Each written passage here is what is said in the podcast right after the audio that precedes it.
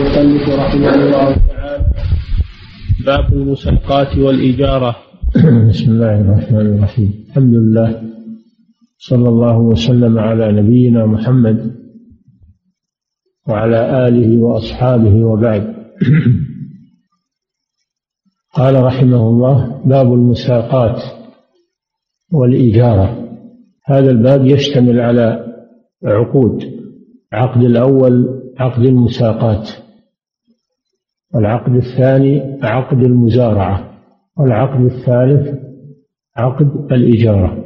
فأما المساقات فمعناها دفع شجر له ثمر له دفع شجر له ثمر يقصد للانتفاع لمن يقوم بسقيه وإصلاحه بجزء من غلته.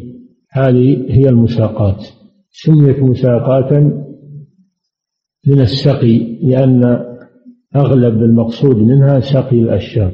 وما يكون من إصلاح للشجر وتأبير وغير ذلك هذا تابع. والمزارعة هي دفع أرض لمن يزرعها بجزء من غلتها. دفع أرض لمن يزرعها بجزء من غلتها. هذه هي المزارعة. وأما الإجارة فهي عقد على منفعة. عقد على منفعة لأن البيع عقد على عين ومنفعة وأما الإجارة فهي العقد على المنفعة دون العين. هذه عقود يتعامل بها الناس ويحتاجون إليها. ولهذا جاءت الشريعة ببيان أحكامها وبحثها الفقهاء رحمهم الله في كتب الفقه. نعم. رضي الله عنهما أن رسول الله صلى الله عليه وسلم حمل أهل خيبر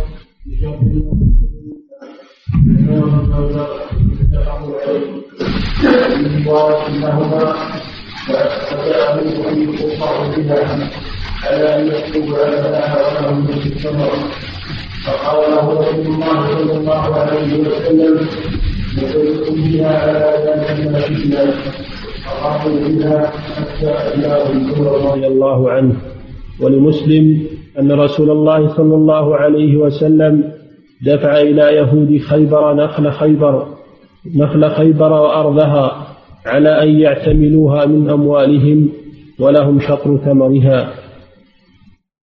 هذا الحديث برواياته أن النبي صلى الله عليه وسلم عامل أهل خيبر وأهل خيبر هم جماعة من اليهود وخيبر اسم بلد بلد زراعي تكثر فيه النخيل والمزارع يقع شمال المدينة.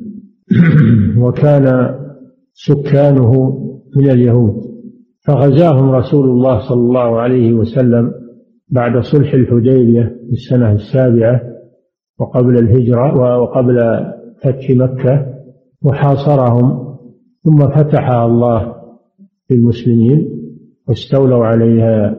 فطلب اليهود الذين كانوا فيها من النبي صلى الله عليه وسلم أن يتركهم فيها يعملون لأنهم أهل خبرة بالزراعة يعملون على مزارعها ونخيلها بجزء مما يخرج منها أو بشطر ما يخرج منها.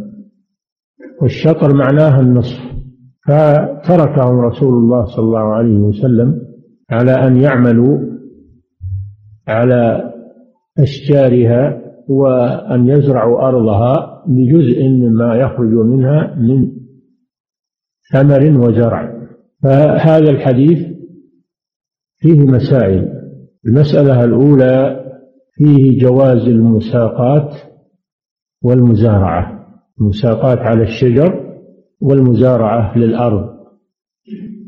فهذا الحديث جمع بين العقدين وفيه دليل على جواز التعامل مع الكفار. التعامل مع الكفار في أمور الدنيا واستعمالهم في الحرف والزراعة ونحو ذلك لأن هذا مما أباحه الله مثل الاتجار معهم والبيع والشراء معهم وعقد الشركات التجارية معهم كل هذا لا بأس به. وليس هذا من موالاتهم المنهي عنها. موالاة معناها المحبة والمناصرة والمدافعة. وأما التعامل الدنيوي فلا بأس به بين المسلمين والكفار. فها هو النبي صلى الله عليه وسلم عامل أهل خيبر وهم يهود على المساقات والمزارعة. المسألة الثالثة في الحديث دليل على وجوب إخراج الكفار من جزيرة العرب. لأن النبي صلى الله عليه وسلم لما طلبوا منه أن يقرهم بمعنى أن يبقيهم قارين مستقرين فيها لم يجبهم وقال نقركم فيها ما شئنا. فلم يجب طلبهم. ولما حضرته الوفاة صلى الله عليه وسلم أمر بإخراج اليهود والنصارى من جزيرة العرب وقال لا يبقى في جزيرة العرب دينان. فأجلاهم عمر رضي الله عنه في خلافته. أجلاهم إلى إلى الشام إلى أذرعات في بلاد الشام. وأما استقدامهم للعمل الذي لا لا يقوم به غيرهم فيجوز بحدود الحاجة أو بحدود الضرورة ثم يخرجون ولا يتركون يتملكون في بلاد مثل الجزيرة يتملكون فيها عقارات أو بيوت لا يتركون يستقرون فيها ويتملكون لأن النبي صلى الله عليه وسلم أمر بإخراجهم لأن هذه الجزيرة هي منبع الإسلام ومهبط الوحي فلا يجوز أن يبقى فيها دين آخر لئلا يكون هذا سببا في انتشار الكفر لأن المسلمين وجميع الناس ينظرون إلى هذه الجزيرة. هذه البلاد ينظرون إليها على أنها مصدر الإسلام ومهبط الوحي فلا يكون فيها دين آخر يصدر إلى إلى أهل الأرض. فهذا وجه الحكمة من إخراجهم من جزيرة العرب لتخلص جزيرة العرب لنشر الإسلام فقط. ولا ينتشر معه دين آخر من أديان الكفر. نعم. وعن حنظلة بن قيس رضي الله عنه قال سألت رافع بن خديج عن شراء الأرض بالذهب والفضة فقال لا بأس به إنما كان الناس يؤاجرون على عهد رسول الله صلى الله عليه وسلم على الماذينات وأقبال ماذيانات على الماذيانات وأقبال الجداول وأشياء من الزرع فيهلك هذا ويسلم هذا ويسلم هذا ويهلك هذا. ولم يكن للناس كراء إلا هذا فلذلك زجر عنه. فأما شيء معلوم مضمون فلا بأس به رواه مسلم. وفيه بيان لما أجمل في المتفق عليه من إطلاق النهي عن شراء الأرض. نعم هذا الحديث في موضوع في موضوع المزارعة وتأجير الأرض. لأن هذا الحديث الحديث الذي سبق بروايته يدل على جواز المزارعة وهي دفع الأرض لمن يزرعها في جزء مما يخرج منها أو لمن يزرعها بالأجرة بأن يدفع لها أجرة من الدراهم. لكن جاءت أحاديث تنهى عن عن كراء الأرض وعن تأجير الأراضي ومنها قوله صلى الله عليه وسلم من كانت له أرض فليزرعها. أو ليمنحها أخاه يعني منيحة أو ليدعها. في أحاديث تدل أو تنهى عن كراء الأرض. فلو أخذنا بتلك الأحاديث لا امتنعت الزراعة وامتنع تأجير الأراضي. بينما أحاديث الباب تدل على الجواز جواز المزارعة وجواز شراء الأرض. وقد وبناء على ذلك اختلف العلماء في هاتين المسألتين مسألة المزارعة ومسألة تأجير الأرض. فمنهم من منع من منع ذلك نظرا لأحاديث النهي ومنهم من أجاز ذلك نظرا لأحاديث الجواز. والصحيح الجواز صحيح من المذهبين المذهب القائل بالجواز وهو مذهب الإمام أحمد جماعة من المحدثين والعلماء الفقهاء ذهبوا إلى جواز المساقات والمؤاجرة للأرض. وأجابوا عن أحاديث النهي بجوابين. جواب الأول أن هذه الأحاديث محمولة على ما كان عليه أول الأمر لما قدم النبي صلى الله عليه وسلم المدينة وقدم المهاجرون وليس معهم أموال وليس لهم أراضي يزرعونها. فنهى النبي صلى الله عليه وسلم عن تأجير الأراضي لأجل أن المهاجرين يشاركون إخوانهم من الأنصار الانتفاع في هذه الأراضي. ويمنح الأنصاري يمنح المهاجر أرضه يعني يعيره إياها. ليزرعها وينتفع بها لإزالة حاجته. ثم لما وسع الله على المسلمين أباح صلى الله عليه وسلم شراء الأراضي بمزارعة أو بنقود. فيكون ذلك ناسخا لما كان عليه أول الأمر. هذا جواب. والجواب الثاني وهو أحسن ما أشار إليه المؤلف رحمه الله. مما سمعتم أن النهي محمول على ما إذا كان الآجار لناحية معينة من الأرض. يشترط عليه زرع ناحية معينة من الأرض كالماذيانات وهي مسائل المياه. يقول ما ينبت على مسائل المياه وعلى السواقي يكون لي والباقي يكون لك. ما كان على الماذيانات وأقبال الجداول يعني أوائل السواقي لأن العادة أن هذه المواضع يجود فيها الزرع فيشترط صاحب الأرض ما ينبت على هذه الأشياء. وهذا عقد فاسد لأن هذا مجهول لأنه ربما تنبت هذه المواضع وربما إنها ما تنبت وربما أنه ما ينبت غيرها ولا يكون للطرف الثاني شيء ما يكون للطرف الثاني شيء. فلأجل الجهالة منع النبي صلى الله عليه وسلم عن ذلك. أما إذا كان أما إذا كان الآجار مشاعا فيما ينبت من الأرض مشاعا يعني عام فيما ينبت من الأرض فهذا لا غرر فيه ولا جهالة. يستويان في الغرم والغنم. وهذا الذي قاله رافع بن خديج رضي الله تعالى عنه أنه إذا كانت الأجرة على الماديانات وأقبال الجداول فهذا لا يجوز. وأما إذا كانت بالنقود والذهب والفضة أو بجزء مشاع غير معين من النتاج فهذا لا جهالة فيه ولا ضرر فيكون جائزا. هذا هو الجواب الراجح في هذه المسألة. فيكون إذن المذهب الراجح هو جواز المساقات وجواز تأجير الأراضي بشرط أن لا يكون تكون الأجرة مخصصة بناحية معينة من الأرض لأن ذلك فيه جهالة وفيه غرار. نعم. رضي الله عنه أن رسول الله صلى الله عليه وسلم نهى عن المزارعة وأمر بالمؤاجرة. رواه مسلم أيضا.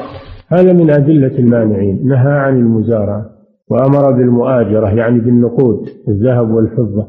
كونك تأجرها بمئة ريال بمئتين ريال ألف ريال ما, ما في مانع. أما أنك تقول بجزء مما يخرج منها فهذا نهى عنه الرسول صلى الله عليه وسلم. وهذا ما أخذ المانعين عن المزارعة. والجواب ما سمعتم أن هذا إما أنه كان في أول الأمر ثم نسخ أو أنه نظرا للجهالة التي تحصل فيما إذا خصه بناحية معينة من الأرض. ما ينبت فيها يكون لصاحب الأرض وما ينبت على باقي الأرض يكون للمزارع. فهذا هو الممنوع لأن, لأن هذا فيه غرر وفيه جهالة. وهذا هو القول الفصل في هذه المسألة. نعم. وعن ابن عباس رضي الله عنهما قال احتجم رسول الله صلى الله عليه وسلم وأعطى الذي حجبه أجره. هذا الحديث وما بعده في الإجارة. انتهت المزارعة المساقات والمزارعة وهذا الحديث وما بعده في الإجارة. الإجارة هي عقد على منفعة مباحة.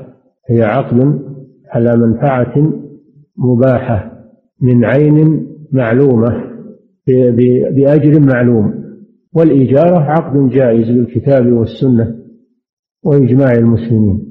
الإجارة لا خلاف في جوازها الكتاب في قصة موسى عليه السلام مع مع الشيخ الكبير في في أرض مدين لما وصل موسى إلى أرض مدين وكان مطاردا من قبل فرعون وقومه وسقى للمرأتين ثم ذهبتا إلى والدهما وأخبرتاه فاستدعى هذا القادم وهذا الرجل الشهم الذي فيه هذه الشهامة وهذه المروءة وأنه حن على هاتين المرأتين وسقى لهما استدعاه ليكرمه. فلما جاءه موسى عليه السلام وقص عليه قصته قال لا تخف نجوت من القوم الظالمين. فطلبت إحدى الفتاتين من أبيها أن يستأجره لما رأتا منه من القوة والأمانة. إن خير من استأجرت قالت إحداهما يا أبت استأجره. إن خير من استأجرت القوي الأمين. أي استأجره لرعي الغنم وسقيها لأن المرأة ضعيفة. امرأتان لم يستطيعا أن أن يسقي الغنم مع زحمة الناس لضعفهما. والرجل الواحد جاء وأسقى الغنم وزحم الناس وأسقى الغنم. هذا فيه دليل على فضل الرجل على المرأة. هل يقولون مساواة المرأة بالرجل؟ ما يمكن مساواة المرأة بالرجل.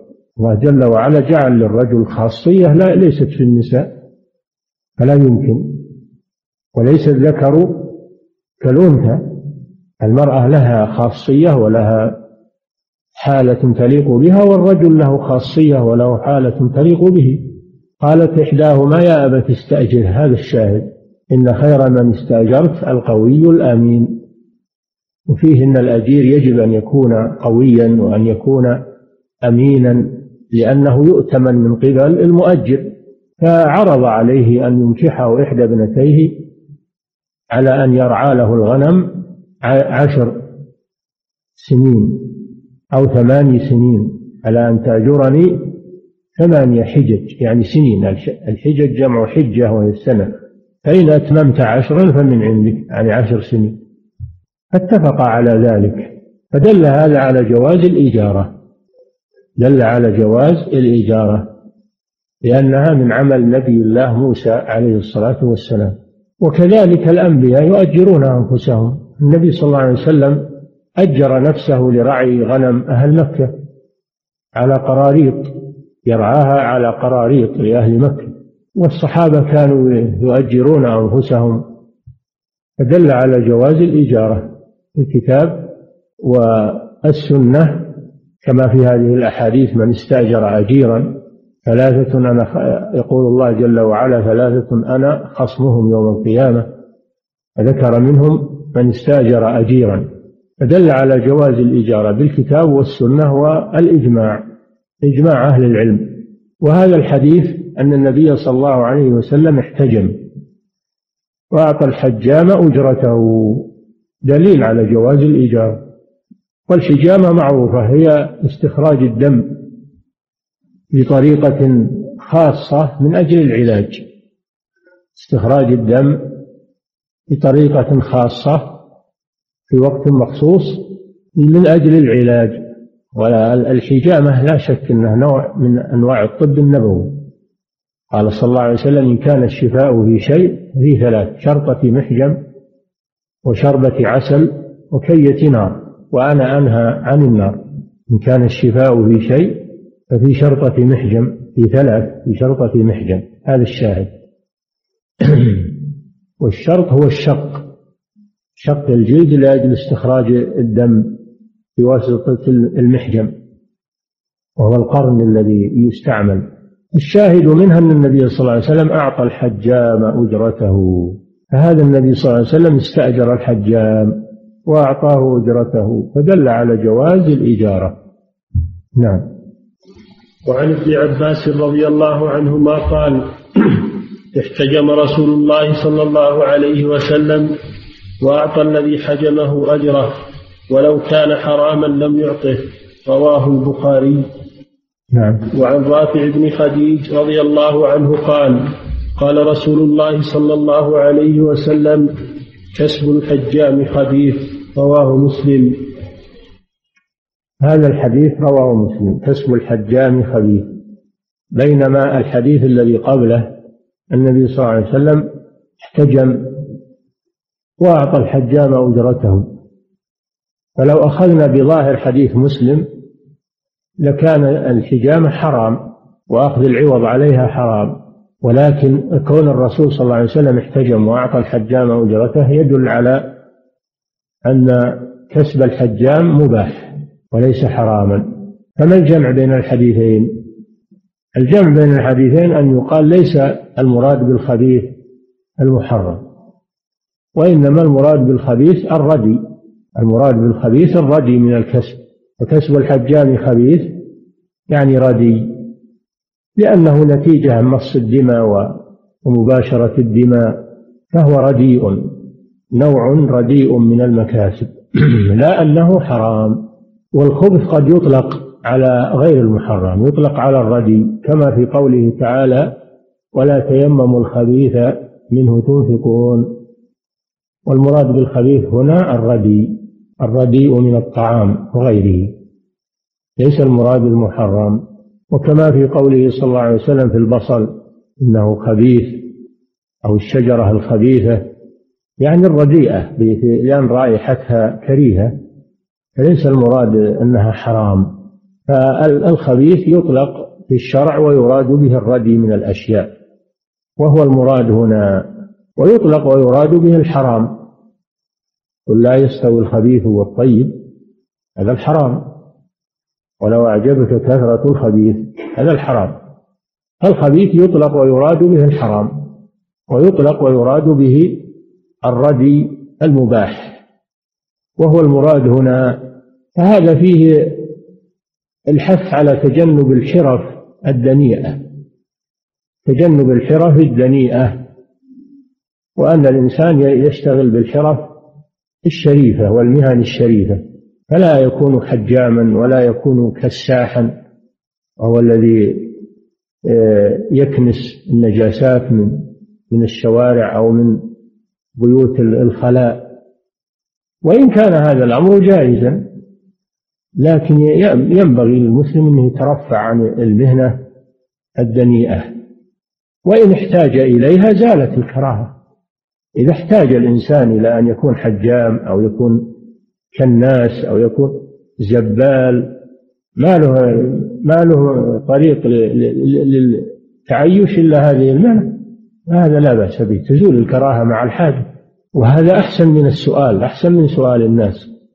كونه يصير حجام ولا كناس ولا زبال أحسن من كونه يسأل الناس. المسألة هنا مسألة آه ترفع فقط وليست مسألة تحريم؟ هذا معنى قوله صلى الله عليه وسلم كسب الحجام خبيث يعني رديء ينبغي أن يترفع عنه إلا عند الحاجة فإنها تزول الكراهة. والمهنة الرديئة خير من السؤال من سؤال الناس. نعم. وعن أبي هريرة رضي الله عنه قال قال رسول الله صلى الله عليه وسلم قال الله عز وجل ثلاثة أنا خصمهم يوم القيامة رجل أعطى بي ثم غدر. ورجل باع حرا فأكل ثمنه ورجل استأجر أجيرا فاستوفى منه ولم يعطه أجره رواه مسلم. هذا الحديث في صحيح مسلم. أن النبي صلى الله عليه وسلم قال قال الله تعالى ثلاثة أنا خصمهم يوم القيامة. هذا يسمى بالحديث القدسي. الذي يرويه النبي صلى الله عليه وسلم عن ربه عز وجل وهو من كلام الله. سبحانه وتعالى. لفظه ومعناه. الحديث القدسي ما كان لفظه ومعناه من الله جل وعلا. وأما الحديث النبوي فهو ما كان معناه من الله ولفظه من النبي صلى الله عليه وسلم. وفيه إثبات الكلام لله عز وجل. وأن الله يتكلم ويقول سبحانه وتعالى. ثلاثة أنا خصمهم. أي ثلاثة نفر أنا خصمهم. يقول الله جل وعلا أنا خصمهم أي خصيمهم يوم القيامة. وهذا من باب تعظيم هذه المسألة. وإلا فالله خصم لكل ظالم. الله خصم لكل ظالم. لكن هؤلاء الثلاثة من أشد الظلمة. هؤلاء الثلاثة من أشد الظلمة. فلذلك قال الله أنا خصمهم يوم القيامة. وما ظنكم بمن يكون خصمه الله جل وعلا يوم القيامة؟ أنا خصمهم يوم القيامة. رجل أعطى بي ثم غدر. هذا ليس خاص بالرجل بل والمرأة كذلك. والمرأة كذلك. أعطى بي ثم غدر. هذا يراد به الذي عقد عهدا مع مع الإمام أو عقد عهدا مع أحد من الناس حتى مع الكفار. حتى مع الكفار إذا عاهدت كافرا أو مسلما أو أي إنسان وجب عليك الوفاء بالعهد. قال الله جل وعلا يا أيها الذين آمنوا أوفوا بالعقود. قال سبحانه وتعالى وأوفوا بالعهد. إن العهد كان مسؤولا. فإذا عاهدت وأعطيت عهد الله لأحد من الناس وجب عليك الوفاء. ويحرم الغدر والغدر بالعهود من صفات المنافقين كما قال صلى الله عليه وسلم آية المنافق ثلاث إذا حدث كذب وإذا وعد أخلف وإذا اؤتمن خان وإذا خاصم فجر وإذا عاهد غدر. فيجب الوفاء بالعهود مع ولاة الأمور ومع أفراد الناس. يجب الوفاء بالعهد. ما دام أن الطرف الثاني قائم بالعهد فيجب الوفاء معه. الله جل وعلا أمر رسوله صلى الله عليه وسلم بالوفاء بالعهود مع الكفار. إلا إذا خاف منهم خيانة فإنه لا لا ينقض العهد مباغتة بل يعطيهم الإنذار. وإما تخافن من قوم خيانة فانبذ إليهم على سواء. إن الله لا يحب الخائنين. فإذا خشيت خيانة من الطرف الثاني فأنت تعطيه الإنذار لأنك ستنقض العهد معه إذا لم يلتزم إذا لم يلتزم بما بما تعاهد عليه. أما أنك على طول تنقض العهد فهذا لا يجوز. نهى الله نبيه صلى الله عليه وسلم فانبذ إليهم على سواء إن الله لا يحب الخائنين. فأمر العهود والمواثيق أمر عظيم جدا. وأوفوا بعهد الله إذا عاهدتم ولا تنقضوا الأيمان بعد توكيدها. فقد جعلتم الله عليكم كفيلا. إن الله يعلم ما تفعلون. ولا تكونوا كالتي نقضت غزلها من بعد قوة أنكاثا تتخذون أيمانكم دخلا بينكم أن تكون أمة هي أربى من أمة. إذا عاهدتم دولة من الدول ورأيتم أن هذه الدولة ضعيفة وهناك دولة قوية فلا تخونوا هذه الدولة الضعيفة. أن تكون أمة هي أربى من أمة أي أقوى. لا يحملكم هذا على نقض العهد. الحاصل أن أن أن أمر العهود هذا عظم الله من شأنه في القرآن ووضع له ضوابط ووضع له حدودا مما يدل على أهميته. فإذا خان العهد فإن الله يكون خصمه يوم القيامة لأنه أعطى عهد الله وميثاقه فهذا فيه تنقص لله سبحانه وتعالى.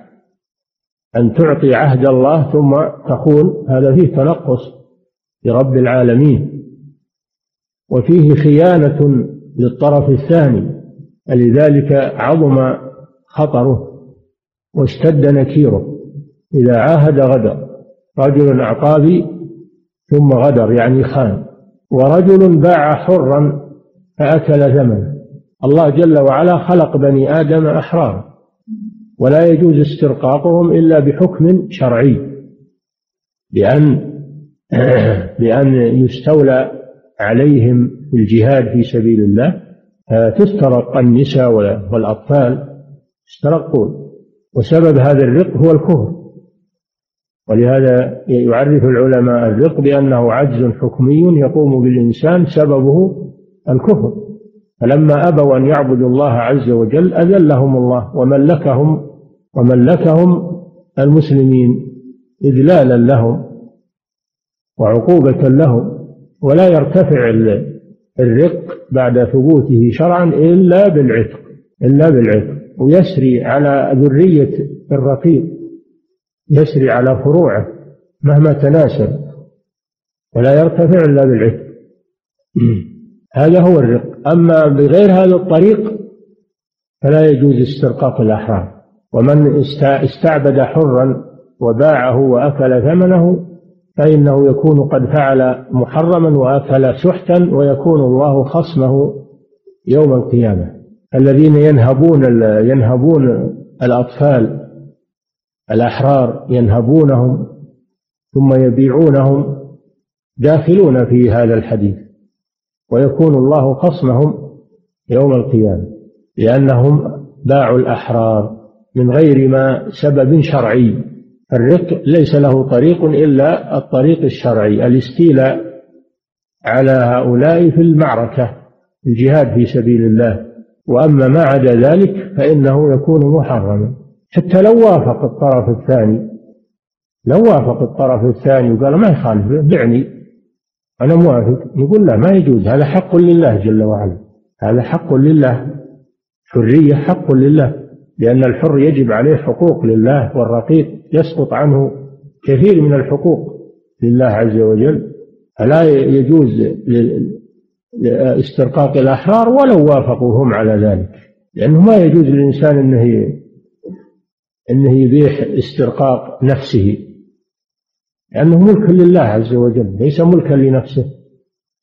وتجب عليها واجبات لله عز وجل وعبودية لله. ليس هو ملكا لنفسه. فكيف إذا إذا كان إذا كان المستعبد صغيرا؟ ليس له رأي وليس له اختيار. الأمر أشد. باع حرا فأكل ثمن. في هذا الدليل على أن ما ما كان حراما فثمنه حرام. جميع الأشياء المحرمة إذا بيعت فثمنها حرام. إن الله إذا حرم شيئا حرم ثمنه كبيع المواد المحرمة بيع الدخان وبيع القات وبيع آلات اللهو وبيع الخمر وبيع, اللحوم المحرمة. كل هذا حرام. كل ما كان حراما فإن بيعه فإن ثمنه يكون حراما. والثالث رجل استأجر أجيرا وهذا محل الشاهد. استأجر أجيرا فاستوفى منه العمل ولم يؤده أجره. استأجر هذا فيه دليل على مشروعية الإجارة هذا محل الشاهد من الحديث. فيه دليل على مشروعية الإجارة وأنها عقد شرعي. يجوز استئجار الشخص للعمل ويجوز استئجار آه، المحل للسكنة أو للبيع والشراء. يجوز استئجار الأشخاص واستئجار المنافع. استئجار الأشخاص للعمل واستئجار الدواب أيضا والسيارات والمراكب للعمل والحمل عليها واستئجار المنافع كسكن البيوت والدكاكين وغير ذلك والأراضي للزراعة كما سبق. كل هذا داخل في الإيجار. لكن من استاجر أجيرا فاستوفى منه العمل. استوفى منه العمل الذي استاجره عليه ولم يعطه أجره. يكون ظالما فيكون الله خصمه يوم القيامة وينتصف منه لهذا المظلوم. فهذا فيه تحريم منع أجور العمال الذين قاموا بالأعمال المطلوبة منهم ووفوا الأعمال أنه لا يجوز للمستأجر أن يظلمهم إذا كان أقوى منهم أو كان له جاه أو كان له وهم ضعفة ما يستطيعون أن يدافعوا عن أنفسهم خصوصا العمال المستقدمين اليوم فإن الظلم فاش معهم والعياذ بالله فإن هؤلاء الذين يستقدمونهم يستضعفونهم ويهددونهم ويستغلون فقرهم وضعفهم فلا يعطونهم أجورهم. إما لا يعطونهم أجورهم أصلا وإما أن يماطلوا بهم. وهم فقراء مساكين يمكن وراهم عوائل محتاجة. وهم جاءوا من أجل الحاجة حدتهم الحاجة وجاءوا وتغربوا عن بلادهم لطلب لقمة العيش. يجي ظالم يتسلط عليهم ويسخرهم في الأعمال ويظلمهم هذا من أعظم الظلم والعياذ بالله. وهذا يوجب نزول العقوبات على المجتمع الذي فيها هؤلاء الظلمة. فيجب التنبه لذلك والتحذير من هذا الظلم. ودل على أن الأجير يستحق أجره إذا وفى العمل. فإذا لم يوفي العمل فإنه لا يستحق أجره.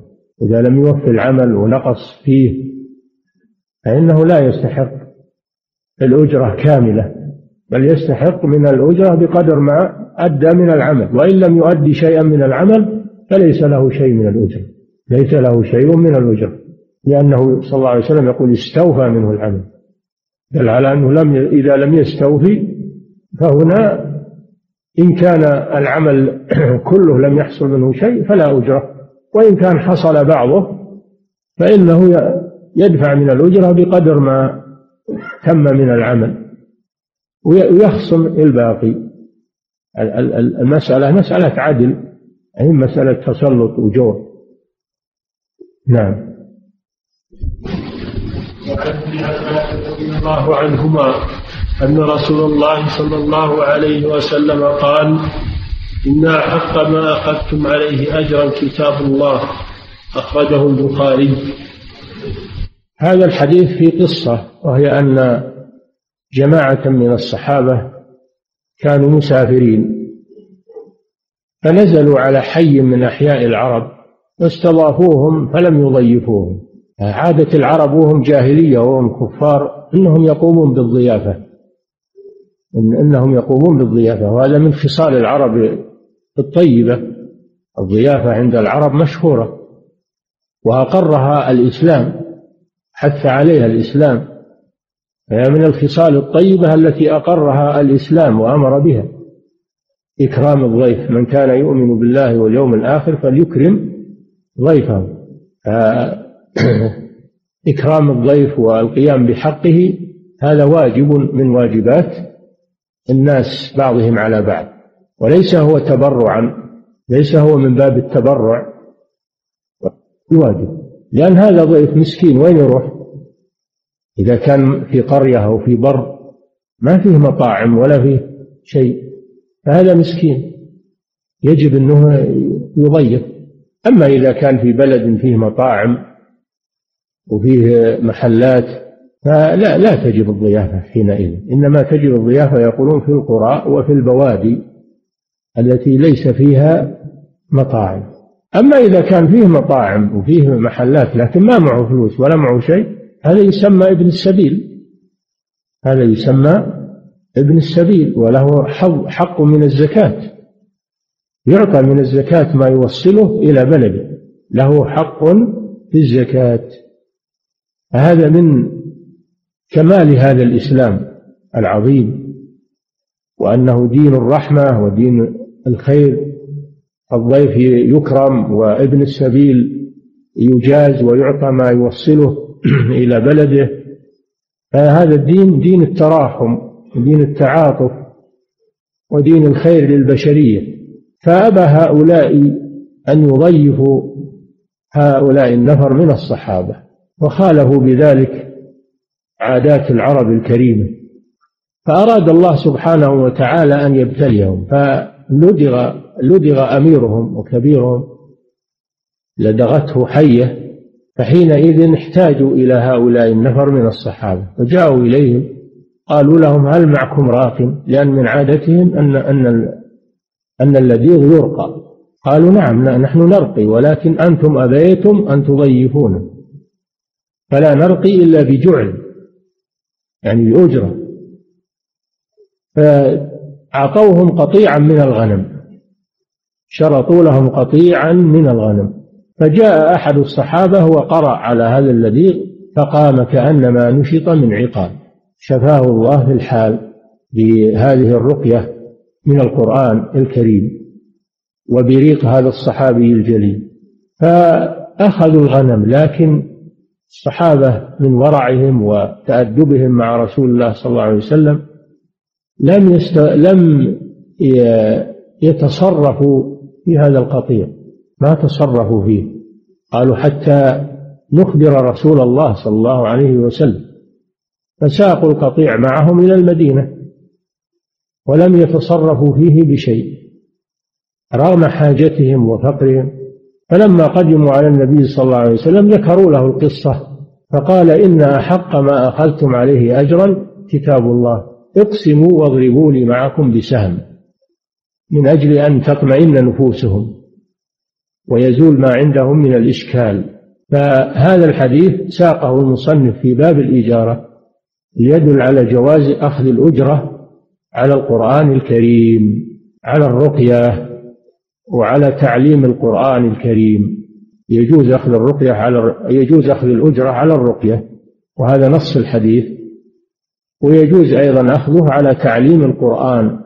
بقوله لأن قوله إن أحق ما أخذتم عليه أجرا كتاب الله يعم يعم الرقية ويعم التعليم. ففيه دليل على جواز أخذ الأجرة على هاتين المسألتين على الرقية وعلى تعليم القرآن. هذه مسألة خلافية بين العلماء. من العلماء من أجاز ذلك لهذا الحديث؟ ومنهم من منع لأن قراءة القرآن قربة وعبادة والعبادات لا يؤخذ عليها شيء من طمع الدنيا. العبادات القاعدة في العبادات أنها لا يؤخذ عليها شيء من طمع الدنيا. ولأن رجلا من أهل الصفة وهم جماعة من الفقراء المهاجرين الذين ليس لهم سكن في المدينة جمعهم النبي صلى الله عليه وسلم في مكان من المسجد. وسموا أهل الصفة يتعلمون على الرسول صلى الله عليه وسلم يتعلمون منه ويتعبدون ويشتغلون يشتغلون في النهار ويتعبدون في الليل يقومون الليل. هؤلاء هم أهل الصفة رضي الله عنهم. مثل ما يقولون الآن السكن الداخلي سكن الداخلي. الرسول جعل لهم سكنا يجتمعون فيه وتأتيهم الصدقات من الصحابة. ويشتغلون هم في النهار ويحصلون. أحد واحد منهم علم القرآن علم سور من القرآن وأخذ عليها دراهم. ثم توفي ووجدت هذه الدراهم فأخبر النبي صلى الله عليه وسلم أنها كيات من النار كيات يكوى بها في النار. فدل هذا على تحريم أخذ الأجرة على تعليم القرآن. بينما هذا الحديث يدل على جواز أخذ الأجرة على تعليم القرآن. وبناء على ذلك اختلف العلماء على قولين. القول الأول أنه لا يجوز أخذ الأجرة على تعليم القرآن ولا على الرقية لأن لأن تلاوة القرآن للرقية أو للتعليم عبادة والعبادات لا يؤخذ عليها أجور مثل الأذان ومثل الإمامة ومثل لا يؤاجر عليها إيجارا لكن يؤخذ عليها الرزق من بيت المال. لأنه ما هو بأجرة هذا. هذه إعانة من بيت المال. أما أنك تشارط الناس وتقول أنا بأذن لكم لأهل الحارة الشهر بمئة ريال باب المشارطة هذا ما يجوز. لكن إن ولي الأمر يمشي المؤذنين هذا طيب. أو للقضاة أو للمدرسين هذا عمل طيب. لأنه لأنهم لا يمكن أن يتفرغوا لهذا العمل إلا بشيء يعينهم عليه. يحتاجون إلى نفقة عندهم عوائل. فولي الأمر يجري لهم ما يكفيهم حتى يتفرغوا لهذا العمل. هذا لا بأس به. إنما الممنوع أنك تشارط الناس. تقول ما أصلي بكم إلا بكذا. ما ما أعمل لكم ما أدرس الأولاد إلا بأجرة منكم. فهذا يرى هؤلاء الفريق من العلماء أنه حرام. بينما الفريق الثاني يرون أن هذا جائز. أخذ الرقية أخذ الأجرة على الرقية وأخذ الأجرة على تعليم القرآن. قالوا هذا جائز. بدليل هذا الحديث وبدليل قصة التي وهبت نفسها للنبي صلى الله عليه وسلم. فلم يكن للرسول صلى الله عليه وسلم فيها رغبة فطلب أحد الحاضرين أن يزوجه إياها. فقال له طلب منه الرسول صلى الله عليه وسلم أن يأتي بمهر. فلم يجد شيئا. فقال له التمس ولو خاتما من حديد فذهب ولم يجد شيئا. صحابي جليل ما وجد شيء ولا خاتم من الحديد. فجاء إلى النبي صلى الله عليه وسلم وقال له ما معك من القرآن؟ قال معي سورة كذا وسورة كذا وسورة. صار غني. يوم جاء القرآن صار غني. لكن ليس معه من الدنيا شيء. فقال زوجتكها أو أنكحتكها بما معك من القرآن. يعني على أن يعلمها السور التي يحفظها من القرآن. فجعل النبي صلى الله عليه وسلم تعليمها القرآن صداقا. والصداق في منزلة الأجرة.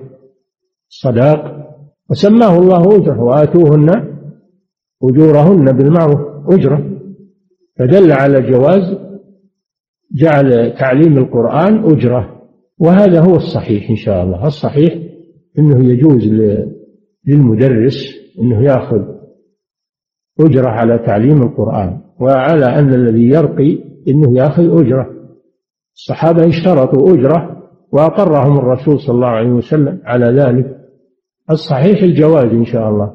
ولكن شيخ الإسلام ابن تيمية رحمه الله يقول يميل إلى المنع إلا عند الضرورة. يقول إذا كان فيه ضرورة الإنسان ما يستطيع يتفرغ لتدريس القرآن إلا بأجرة فلا مانع. أما إذا كان عنده ما يغنيه فلا يجوز له أن يأخذ أجرة لأن تعليم القرآن قربة وعبادة. فإذا كان عنده ما يغني ما يغنيه فإنه يحرم عليه أن يأخذ الأجرة. أما إذا كان ما عنده ما يغنيه ولا يستطيع التفرغ لتعليم القرآن إلا بأخذ الأجرة فلا بأس. هذا هو الفصل في هذه المسألة. نعم. نعم. رضي الله عنهما قال قال رسول الله صلى الله عليه وسلم أعطوا الأجير أجره قبل أن يجف عرقه. رواه ابن ماجه. في الباب عن أبي هريرة رضي الله عنه عند أبي يعلى والبيهقي وجابر عند الطبراني وكلها ضعاف.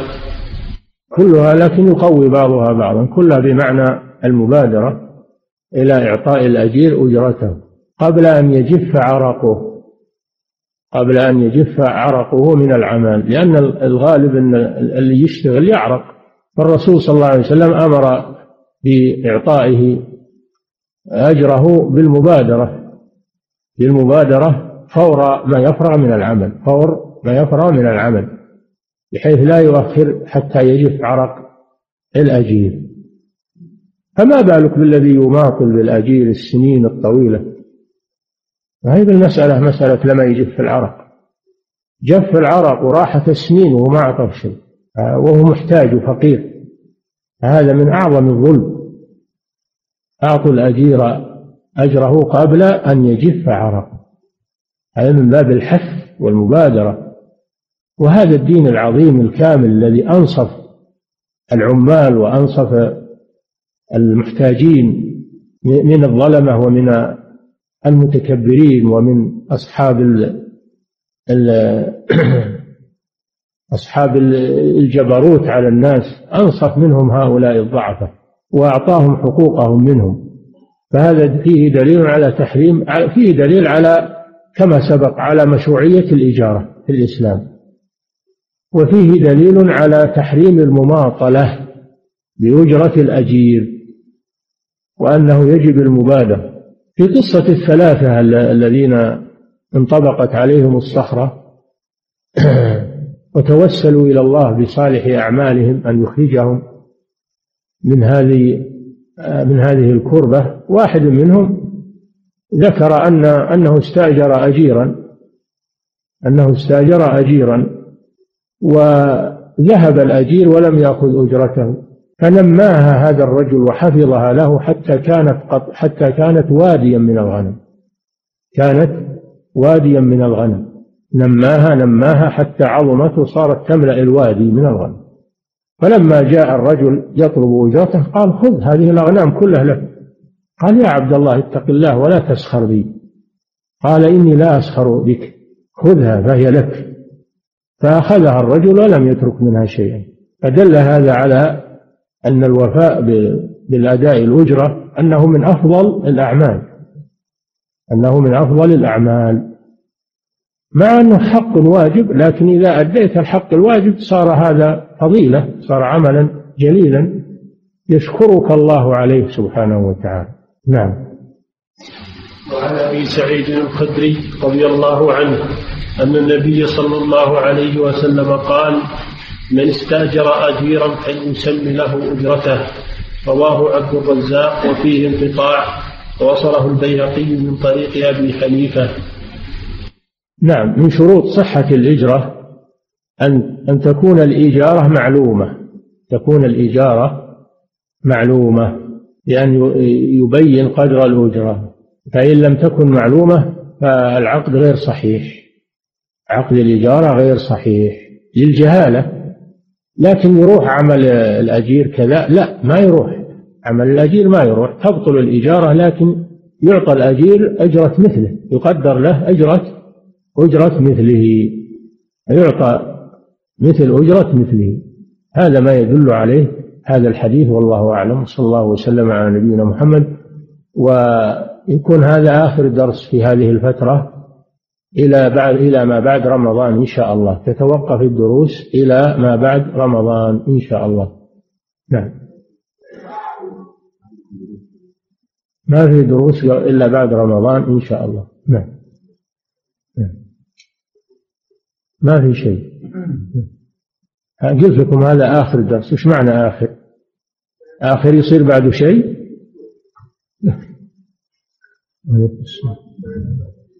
إن شاء الله إن شاء الله. إذا جو الناس من أعمال العيد بدأت الفترة الثانية إن شاء الله. نعم. فضيلة الشيخ هل الحدود الشمالية من المملكة داخلة في أحكام جزيرة العرب؟ النبي صلى الله عليه وسلم أخرج أمر بإخراج اليهود والنصارى من جزيرة العرب وقال ليهود خيبر نقركم فيها ما شئنا وأخرجهم عمر من من خيبر.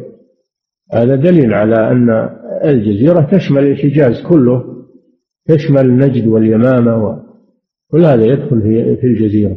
نعم. فضيلة الشيخ هل شرع من قبلنا حجة في الأحكام الشرعية كما في قصة موسى عليه السلام؟ إذا جاء إذا شرع من قبلنا يقولون على ثلاث أقسام. القسم الأول ما جاء شرعنا بخلافه. هذا ليس شرعا لنا يكون منسوخا. هذا بالإجماع. القسم الثاني ما جاء شرعنا بموافقته وهذا شرع لنا بالإجماع. القسم الثالث ما لم يرد شرعنا بخلافه ولا بموافقته. فهذا محل خلاف بين العلماء. محل خلاف بين العلماء. والصحيح أنه ليس شرعا لنا. نعم.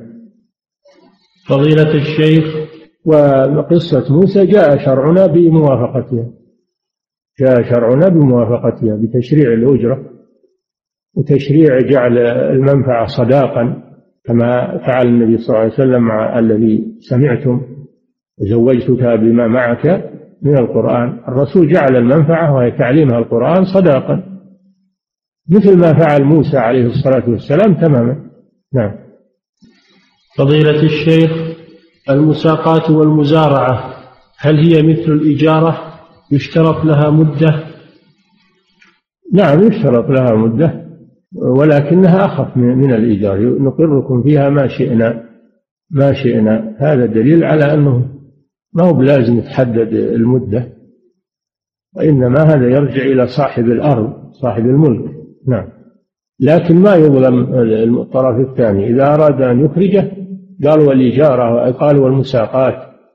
المساقات والمزارعة عقد جائز تعرفون العقد الجائز الذي يجوز فسخه؟ فهي عقد جائز وعند الفسخ يعطى العامل مقابل عمله. نعم. فضيلة الشيخ يوجد مسجد قريب من بيتي ليس له مؤذن منذ أكثر من سنة ولم يتقدم أحد للأذان طوال هذه الفترة. وقد ألح علي إمام المسجد وجماعته بأن أكون مؤذنا له ولكني لا أستطيع أن أؤذن إلا في فرضين فقط وثلاثة فروض يؤذن فيها أبنائي حيث يبلغ عمر أحدهما سبعة عشر والآخر خمسة عشر عاما فهل تنصحونني بأن أتولى الأذان في ذلك المسجد أم لا؟ نعم ننصحك أنك تولى الإمامة والحمد لله لك أولاد يقومون بالعمل أنت وأولادك سواء الحمد لله. فالتزم بالإمامة وإذا غبت ينوب عنك أبناؤك وأنتم سواء والحمد لله.